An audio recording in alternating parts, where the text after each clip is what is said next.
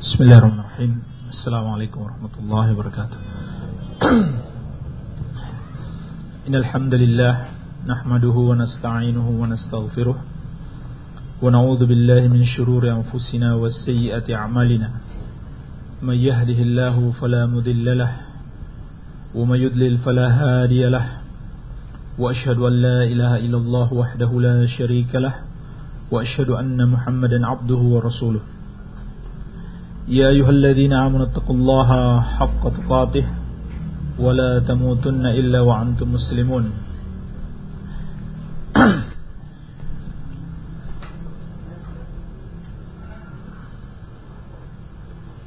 اللهم صل على محمد وعلى آل محمد كما صليت على إبراهيم وعلى آل إبراهيم إنك حميد مجيد. إخواني في الدين رحمني ورحمكم الله. Kita bersyukur kepada Allah Tabaraka wa Ta'ala Yang pada malam hari ini Telah memberikan kita Satu kenikmatan yang amat besar Yaitu kita dikumpulkan Dalam satu majelis Untuk mempelajari Dan Memikirkan Tentang ayat-ayat Allah subhanahu wa ta'ala dan hadis-hadis Rasulullah sallallahu alaihi wa ala alihi wasallam. Di satu majelis ilmu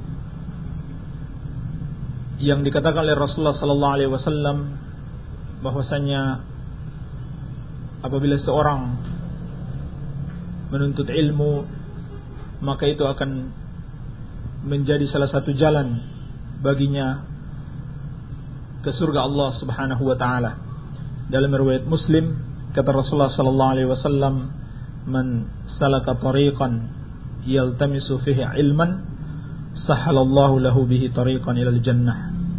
Kata Rasulullah sallallahu alaihi wasallam, barang siapa yang menempuh satu jalan dalam rangka menuntut ilmu, maka Allah Subhanahu wa taala akan memudahkan baginya untuk masuk ke dalam surga maka ini adalah nikmat yang sangat besar yang patut kita syukuri sehingga kita bersungguh-sungguh di dalam menuntut ilmu kemudian kita mengamalkannya dan kita menyebarkannya. Taib. Pada pertemuan yang lalu telah dijelaskan tentang pentingnya berdakwah dan bahwasannya dakwah itu adalah kewajiban. Bahkan kewajiban yang sangat mulia dilakukan oleh manusia-manusia yang paling mulia. Manusia-manusia hamba-hamba Allah Subhanahu wa taala yang paling takwa dan paling dicintai oleh Allah tabaraka wa taala yaitu para nabi dan rasul. Maka pada malam hari ini insyaallah saya ingin menyebutkan tentang beberapa permasalahan yang berhubungan dengan dakwah.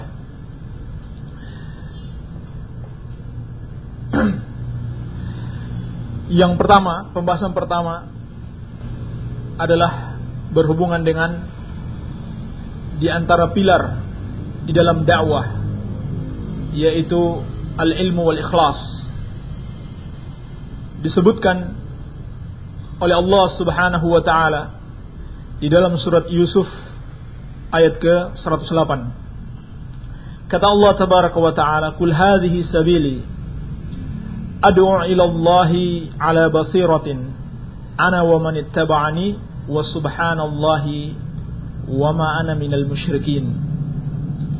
Ayat ini diletakkan oleh Syekh Muhammad bin Abdul Wahab rahimallahu taala dalam kitab Tauhid pada bab ad-du'ai ila syahadati an la ilaha illallah. Tentang kewajiban berdakwah ke syahadat la ilaha illallah. Berdakwah kepada tauhid. Bab ini disebutkan oleh Asy-Syaikh rahimahullahu taala setelah sebelumnya beliau telah membahas tentang pentingnya tauhid. Kemudian keutamaan tauhid. Dan seterusnya yang berhubungan dengan pentingnya seorang mentauhidkan Allah Subhanahu wa taala dan memahaminya dengan baik. Maka setelah itu beliau menekankan pentingnya berdakwah kepada tauhid. Jadi tidak cukup seorang dia bertauhid pada dirinya sendiri, tetapi dia harus mengajak orang lain untuk mentauhidkan Allah Subhanahu wa taala. Oleh karenanya, Asy-Syaikh Shalih Al-Fauzan rahimallahu taala ketika beliau menjelaskan ayat ini, saya bacakan kutipan dari kitab beliau I'anatul Mustafid bisyarhi kitab bisyarhi kitab tauhid. Kata beliau hafizahullah ya'murullahu subhanahu wa ta'ala nabiyahu Muhammadan sallallahu alaihi wasallam ayyu'lina lin-nasi an bayani manhajihi wa manhaji atba'ihi kata beliau hafizahullah pada ayat ini Allah Subhanahu wa taala memerintahkan nabinya Muhammad sallallahu alaihi wasallam untuk mengumumkan kepada manusia tentang penjelasan manhaj beliau para pengikutnya. Kul hadhihi sabili ad'u ila Allah ala basirah.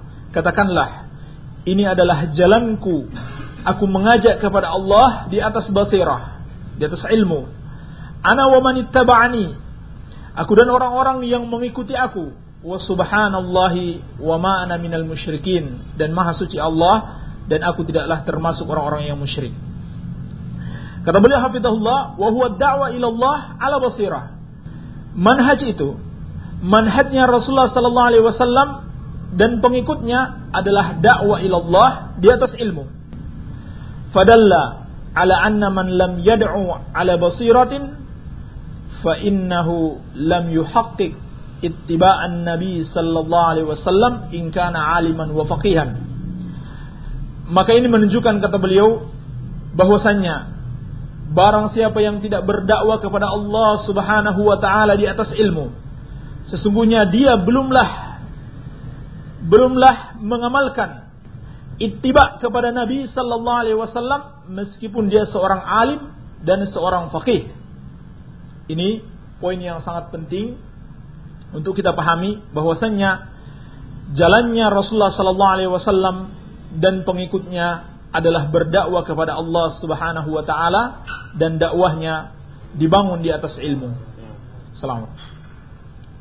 Kemudian beliau menyebutkan beberapa pelajaran yang bisa diambil dari ayat dari ayat ini. Al-mas'alatul ula, pelajaran yang pertama, kata beliau hafizahullah, anna tariqan nabiy sallallahu alaihi wasallam wa tariqata atba'ihi 'ala al-haqiqah ad-da'watu ila Allah. Bahwasanya jalannya Nabi sallallahu alaihi wasallam dan jalannya para pengikutnya secara hakikat adalah berdakwah kepada Allah Subhanahu wa taala. Jadi barang siapa yang mau mengikuti petunjuk Nabi sallallahu alaihi wasallam dalam kehidupannya, hendaklah dia berada di atas jalan dakwah kepada Allah Subhanahu wa taala dengan ilmu. Al-mas'alatu tsaniyah. Pelajaran yang kedua, anna lam man lam yad'u ila Allah wa huwa yastati'u ad-da'wa ila Allah fa innahu lam yuhaqqiq ittiba'ahu lirrasul sallallahu alaihi wasallam bal ittiba'ahu fihi naqsun 'azim. Kata beliau hafizahullah, Barang siapa yang tidak berdakwah kepada Allah padahal dia mampu. Barang siapa yang tidak berdakwah kepada Allah padahal dia mampu, maka dia belumlah ittiba kepada Rasulullah sallallahu alaihi wasallam. Bahkan ittibanya kepada Rasulullah sallallahu alaihi wasallam terdapat kekurangan yang besar. Ketika seorang mampu berdakwah tapi dia tidak berdakwah ke jalan Allah Subhanahu wa taala. Al-mas'alatu tsalitsa. Pelajaran yang ketiga. Wa huwa al-mas'alatu allati nabbaha 'alaiha Syekh fi masailihi. Yaitu permasalahan yang diingatkan oleh Syekh Muhammad Ibn Abdul Wahab rahimahullah taala dalam kitab Tauhid.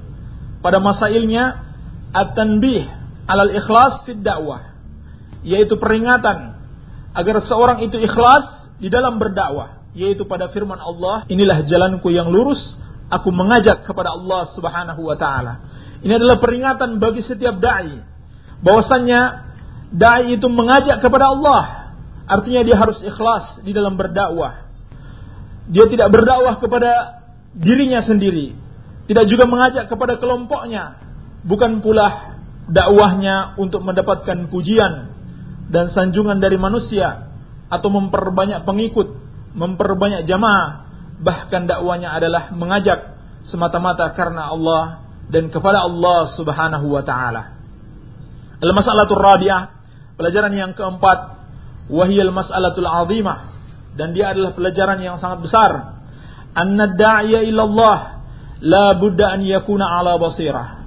Bahwasannya seorang dai yang mengajak kepada Allah haruslah berada di atas basirah, yaitu di atas ilmu, di atas ilmu nafi yang bermanfaat, yang dengannya dia mampu menolak segala kebatilan, segala syubhat, dia, dia mampu bertahan di atas dakwah yang benar.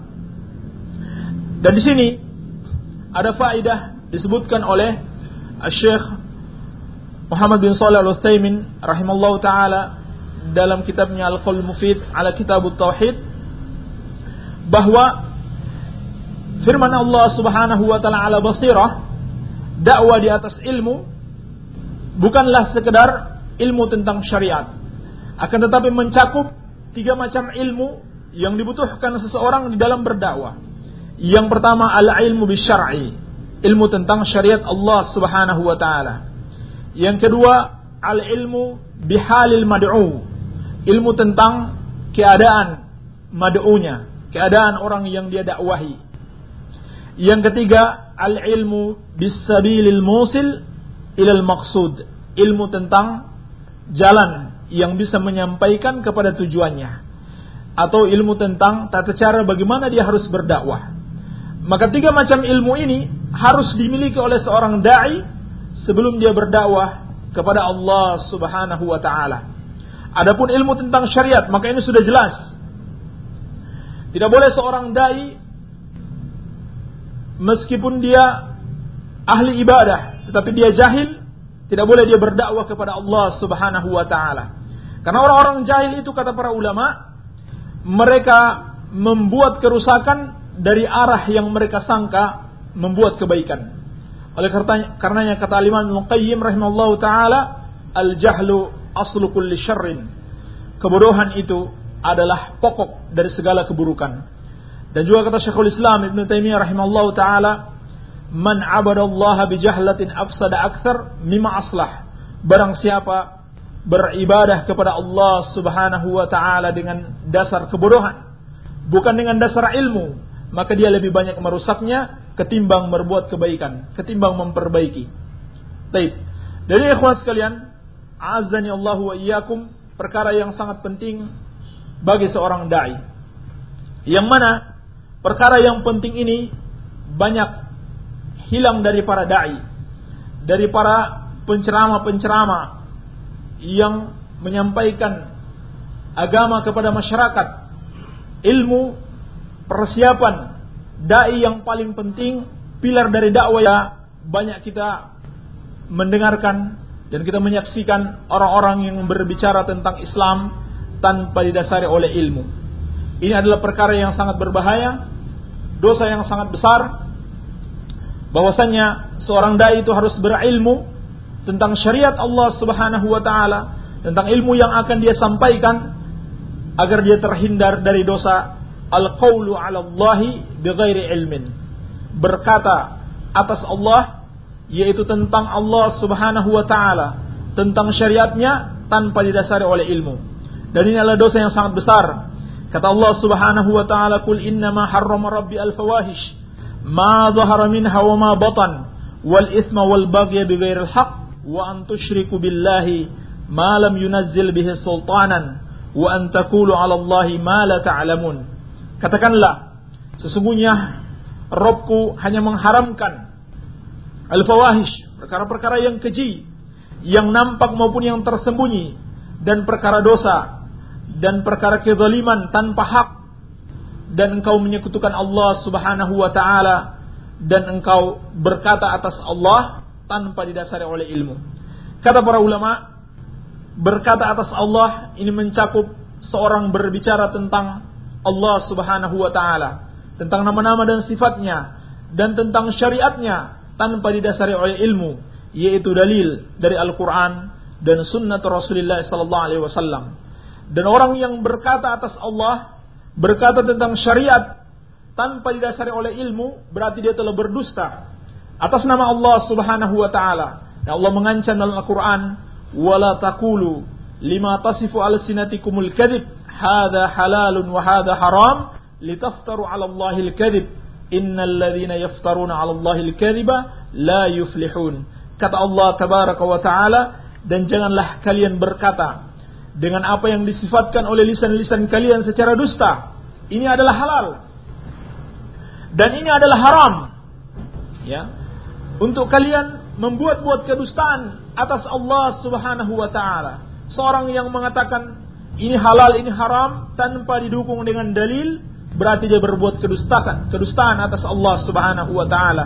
Ya Allah berfirman, "Innal ladzina yaftaruna 'ala Allahil kadhiba la yuflihun. Sesungguhnya orang-orang yang membuat-buat kedustaan atas Allah Subhanahu wa taala, mereka tidaklah beruntung. Ini penting bagi seorang dai berbekal dengan ilmu syar'i dan tidak cukup sampai di situ, dia juga harus memiliki ilmu tentang halul madu'in, tentang keadaan orang-orang yang dia dakwahi. Dan ini perkara juga yang sangat penting sekali. Karena bisa jadi kita menyampaikan sesuatu tidak cocok dengan orang yang disampaikan. Malah itu akan membuat fitnah dan membuat dia mendustakan Allah Subhanahu wa taala rasulnya hanya karena kita tidak mengerti keadaannya. Dan Rasulullah wasallam orang yang sangat mengerti yang mengilmui tentang keadaan madu'unya. Oleh karenanya di antara persiapan atau nasihat-nasihat yang diberikan kepada para dai yang diutus oleh Rasulullah sallallahu alaihi wasallam beliau memberitahukan keadaan objek dakwah, keadaan orang-orang yang akan dia dakwahi. Sebagaimana Rasulullah sallallahu alaihi dalam riwayat Bukhari, maka beliau mengatakan kepada Muad, "Innaka sata'ti kauman min ahli kitab." Sesungguhnya engkau akan mendatangi satu kaum dari kalangan ahli kitab. Ini tidak sekedar disampaikan oleh Nabi Sallallahu Alaihi Wasallam begitu saja, tetapi dengan maksud agar Muaz ini bersiap-siap apa yang harus dia siapkan untuk menghadapi ahlul kitab. Berbeda ketika dia menghadapi kaum muslimin, menghadapi orang yang awam, yang sangat bodoh, yang lebih tidak mengerti daripada ahlul kitab. Ya, ahlul kitab orang-orang yang memiliki ilmu, maka di, harus dipersiapkan apa-apa yang bisa e, memperkuat hujah untuk menghadapi mereka. Baik, ini sebagai contoh bahwasanya Rasulullah sallallahu alaihi wasallam mengerti hal mad'ui. Kemudian al ilmu tentang as-sabil al-musil ila dakwah, ya, jalan yang bisa menyampaikan dakwah tersebut. Ini juga harus banyak dipelajari dan pada pertemuan-pertemuan yang akan datang ini perlu untuk dibahas oleh para ustadz kita, perlu banyak dijelaskan. Karena sebagaimana yang kita tahu bersama pada tahun-tahun sebelum-sebelum ini bahwasanya dakwah salafiyah banyak e, mendapat fitnah ya. Salah satu sebabnya juga karena para ikhwan salafiyin yang punya semangat ya, semangat yang besar dalam menyebarkan dakwah ahlus sunnah ini tetapi tidak dibekali dengan ilmu bihalil mad'uin dan ilmu bisabilil musil ilal dakwah. Ini maka ini mungkin saya meminta kepada para ustadz kita untuk lebih banyak membahas perkara-perkara ini. Taib. Kemudian al-mas'alatul khamisah, pelajaran yang kelima disebutkan oleh Syekh Shalih bin Fauzan Ibn Abdullah Al-Fauzan hafizahullah taala dari ayat ini anna syirka naqsun 'azimun yajibu tanzihullahi anhu.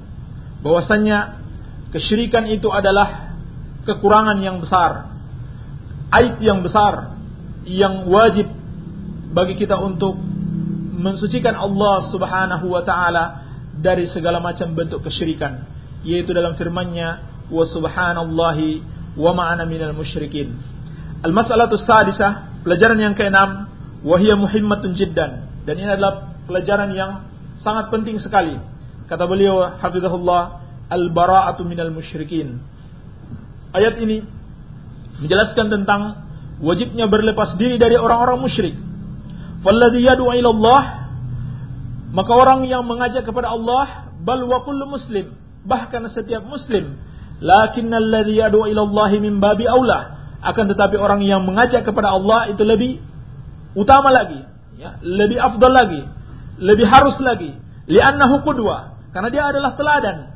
Yajibu alai yajibu alaihi ay yatabarra'a minal musyrikin. Wajib baginya berlepas diri dari orang-orang musyrik. Li'annahum a'da'ullah karena mereka adalah musuh-musuh Allah. Wa a'da'u rasulihi wa a'da'ul mu'minin dan musuh-musuh rasulnya dan musuhnya orang-orang yang beriman. Kata Allah tabaraka wa taala la tattakhidu aduwi wa aduwakum awliya. Dan janganlah kalian menjadikan musuhku dan musuh kalian sebagai orang-orang yang kalian cintai. Faman lam yatabarra minal musyrikin maka barang siapa yang tidak berlepas diri Allah Azza wa Jalla maka dia belum merealisasikan dakwah kepada Allah Subhanahu wa taala. Atau dia belum memiliki sifat seorang dai yang dijelaskan dalam ayat ini. Hatta wa in ilaiha. Meskipun dia berintisab kepada dakwah ini wa hadhihi mas'alatun 'azimah maka ini adalah perkara yang sangat besar. Ini kawan sekalian tujuh pelajaran yang disebutkan oleh Syekh Shalih Al-Fauzan Ibn Salih Al-Fauzan di dalam kitabnya. Dan saya memberikan catatan atau tanbih dari perkataan Syekh Al-Utsaimin rahimallahu taala tentang ayat ini Kata beliau rahimahullah, fatadamman fatadammanat hadhihi ad-da'wa al-ikhlas wal ilma. Maka dakwah ini haruslah mencakup dua pilar yang sangat penting, yaitu keikhlasan dan ilmu. Keikhlasan dan ilmu. Baik. Lianna aktsara ma yufsidu dakwah adamul ikhlas atau adamul ilm. Karena kebanyakan yang merusak dakwah itu adalah ketidakikhlasan dan tidak adanya ilmu. Ini kawan sekalian perkara yang harus senantiasa kita camkan dengan baik bahwa ini adalah dua pilar yang sangat penting di dalam membangun sebuah dakwah. Taib. Permasalahan yang kedua yang terakhir yang ini saya sampaikan pada kesempatan kali ini adalah suar min hirsil anbiya fi hidayatin nas. Beberapa gambaran tentang semangatnya para nabi di dalam memberikan hidayah kepada manusia, di dalam membimbing manusia agar mereka mendapatkan hidayah oleh Allah Subhanahu wa taala. Baik. Yang pertama, kita ambil contoh Nabi Nuh alaihissalam. Kata Allah Subhanahu wa taala dalam surat Al-Ankabut, "Wa laqad arsalna Nuhan ila qaumihi falabitha fihim alfasanatin illa khamsina aman." Dan sungguh kami telah mengutus Nabi Nuh alaihissalam kepada kaumnya. Maka dia tinggal bersama kaumnya, dia berdakwah kepada kaumnya itu selama seribu tahun kecuali 50. Berarti 950 tahun. Luar biasa, waktu yang sangat lama yang Nabi Nuh alaihissalam bersabar, berdakwah, mengajak kaumnya kepada tauhid. Kemudian dalam surat Nuh dikisahkan tentang bagaimana semangatnya Nabi Nuh alaihissalam agar umatnya mendapatkan hidayah. Kata Allah Subhanahu wa taala mengisahkan tentang Nuh alaihissalam, "Qala rabbi inni da'awtu qaumi laila wa nahara." Nuh berkata, "Wahai Rabbku, sesungguhnya aku telah berdakwah kepada kaumku siang dan malam." Ya. Falam yazidhum du'ai illa firara. Tetapi tidak menambah dakwahku kepada mereka kecuali semakin jauh mereka dari perkara tauhid ini. Wa inni kullama da'awtuhum litaghfira lahum ja'alu asabi'ahum fi adhanihim wastaghshaw thiyabahum wa asarru wastakbaru istikbara. Kata Nuh alaihissalam dan dan sesungguhnya setiap aku berdakwah kepada mereka agar engkau mengampuni mereka. Di sini ada peringatan lagi tentang tujuan kita berdakwah agar manusia bertobat kepada Allah Subhanahu wa taala, kembali mentauhidkan Allah, meninggalkan kesyirikan dan mendapatkan ampunan Allah tabaraka wa taala. Setiap aku berdakwah agar engkim, mereka menutup telinga-telinga mereka dengan jari-jari mereka. Wastaghshaw thiyabahum dan mereka menutup muka mereka dengan pakaian mereka. Wa asarru wastakbaru istikbara dan mereka tetap dalam kekufuran mereka dan mereka menyembungkan diri Summa inni da'autuhum jihara. Ya. Apakah setelah itu Nabi Nuh alaihissalam putus asa dari dakwahnya, kemudian berhenti meninggalkan dakwah? Tidak ikhwan sekalian, tetapi beliau katakan, kemudian aku ajak mereka secara terang-terangan. Summa inni a'lamtu a'lamtu lahum wa asrartu lahum israra. Kemudian aku ajak mereka secara umum dan aku ajak mereka secara sembunyi-sembunyi. Fakultu astaghfiru rabbakum innahu kana ghaffara. Maka aku katakan kepada mereka, memohon ampunlah kalian kepada Rabb kalian, sesungguhnya Dia Maha Pengampun. Ini adalah salah satu contoh dari dakwah para anbiya. Betapa semangat mereka agar manusia mendapatkan hidayah, segala macam cara yang bisa bisa menyampaikan dakwah ini kepada manusia dilakukan. Siang dan malam di sampaikan secara terang-terangan, secara sembunyi-sembunyi dan seterusnya dilakukan oleh para nabi dengan kesabaran yang sungguh luar biasa.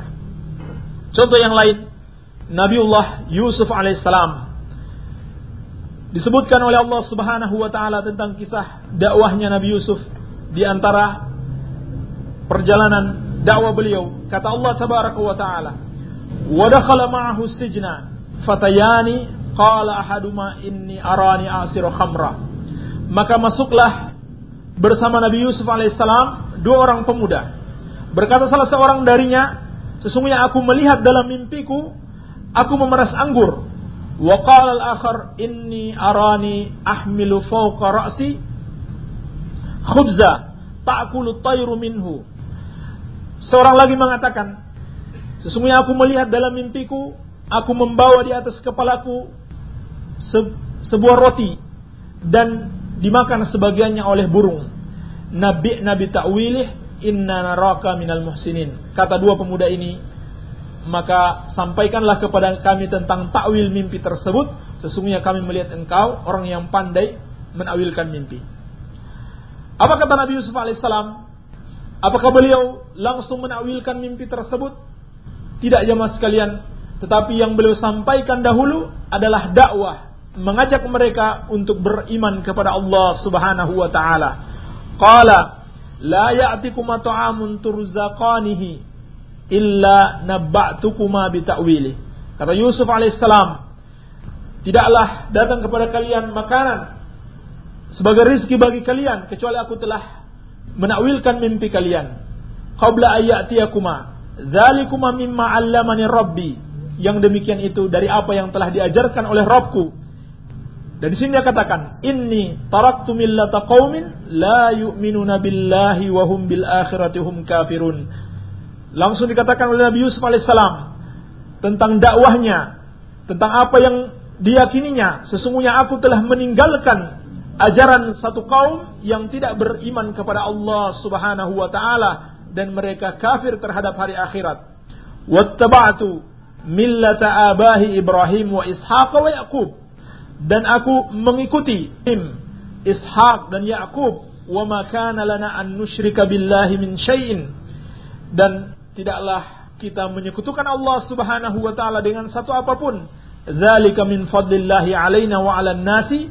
Walakin walakinna aktsaran nasi la yashkurun.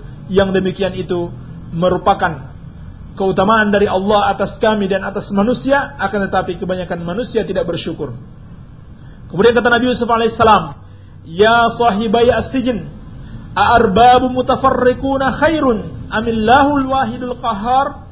Wahai dua orang, temanku dalam penjara ini, apakah sembahan-sembahan atau Tuhan-Tuhan yang bermacam-macam itu lebih baik ataukah Allah Subhanahu wa taala yang satu dan maha perkasa?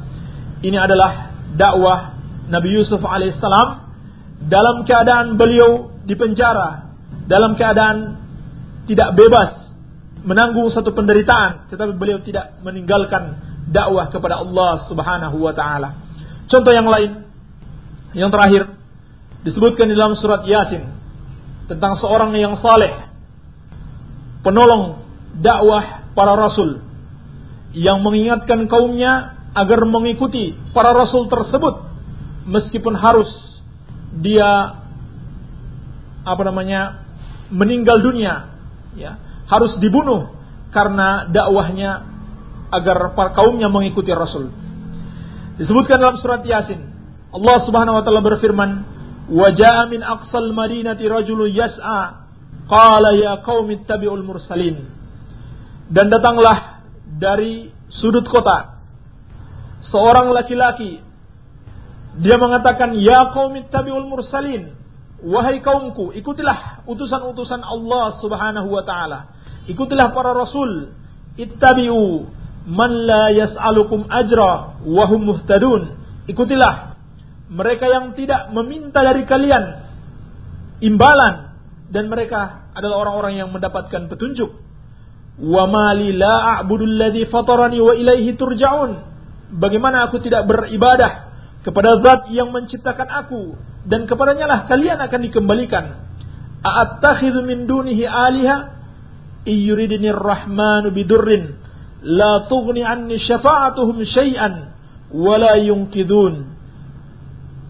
andai kata aku mengambil selain Allah Subhanahu wa taala selain sesembahan maka jika Allah Subhanahu wa taala menginginkan keburukan kepadaku maka syafaat-syafaatnya sembahan-sembahan selain Allah tidaklah bermanfaat kepadaku sedikit pun dan tidaklah mereka mampu menyelamatkan aku. Ini menunjukkan yang dia sampaikan adalah dakwah tauhid. Inni idzal lafi dhalalim mubin. Kalau aku mengambil sesembahan selain Allah, maka aku kalau begitu berada dalam kesesatan yang nyata.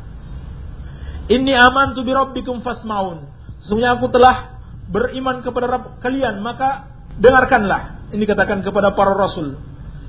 Qila dukhulil jannah. Qala ya laita qaumi ya'lamun. Maka dikatakan kepadanya, masuklah ke dalam surga. Apa jawabnya? Ya laita qaumi ya'lamun.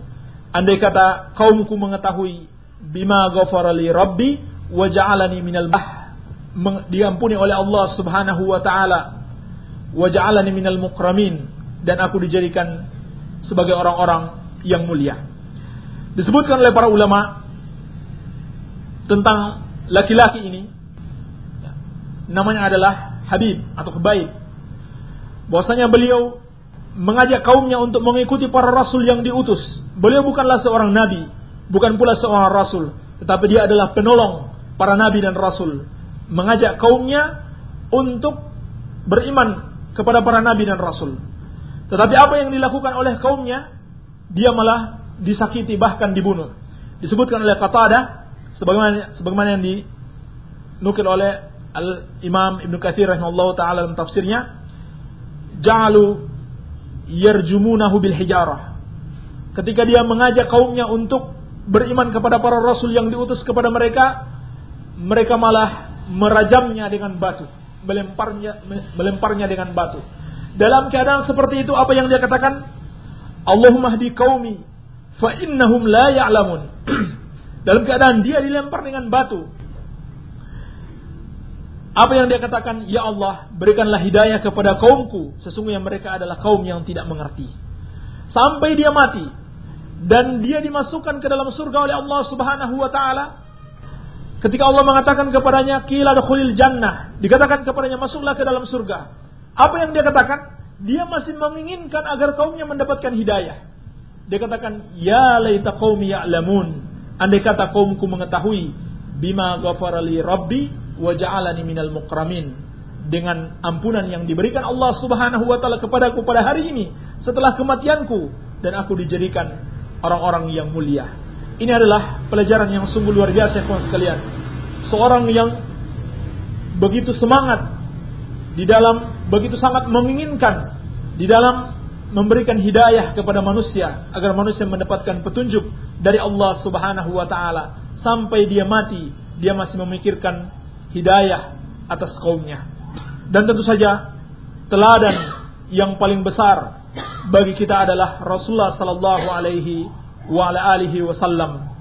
Hidupnya dan setelah kematiannya bahkan disebutkan setelah dibangkitkan umat manusia di hari kiamat Rasulullah sallallahu alaihi wasallam masih memikirkan umatnya, bagaimana keadaan umatnya. Dan di sini juga ada pelajaran bagi kita bahwasannya wajib bagi kita menolong dakwah para nabi dan rasul.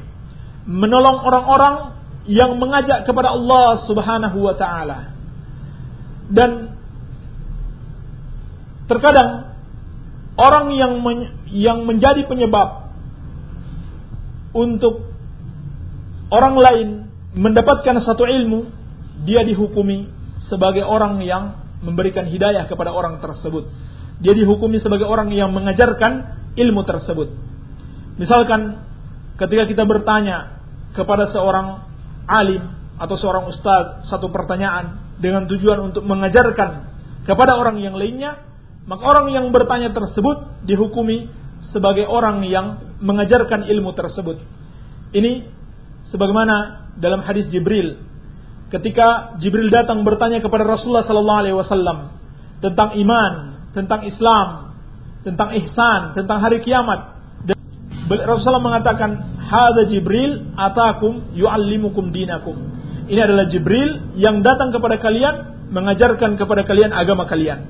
Padahal yang mengajarkan adalah Rasulullah sallallahu alaihi wasallam, tetapi Jibril yang menjadi sebab Rasulullah sallallahu alaihi wasallam menyampaikan ajaran-ajaran tersebut.